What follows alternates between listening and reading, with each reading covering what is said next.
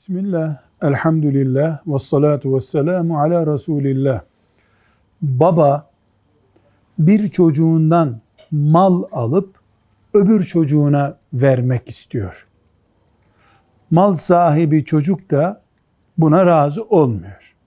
O da babalık hakkını Peygamber aleyhisselamın böyle bir hadisi olduğunu, sen ve malın babanınsın buyurduğunu belge olarak söylüyor. Fıkhen yani dinen bu mal sahibi olan çocuk ne yapacak? Cevap olarak diyoruz ki baba muhtaç ise geçiminde sıkıntı varsa faturalarını ödeyemiyorsa malı olan çocuktan kendisine yardım alabilir. Vermiyorum diyemez çocuk. Ama baba bir çocuğunun malından alıp öbür çocuğuna veremez. Buna hakkı yok.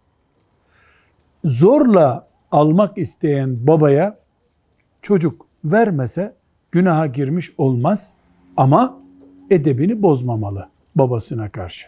Velhamdülillahi Rabbil Alemin.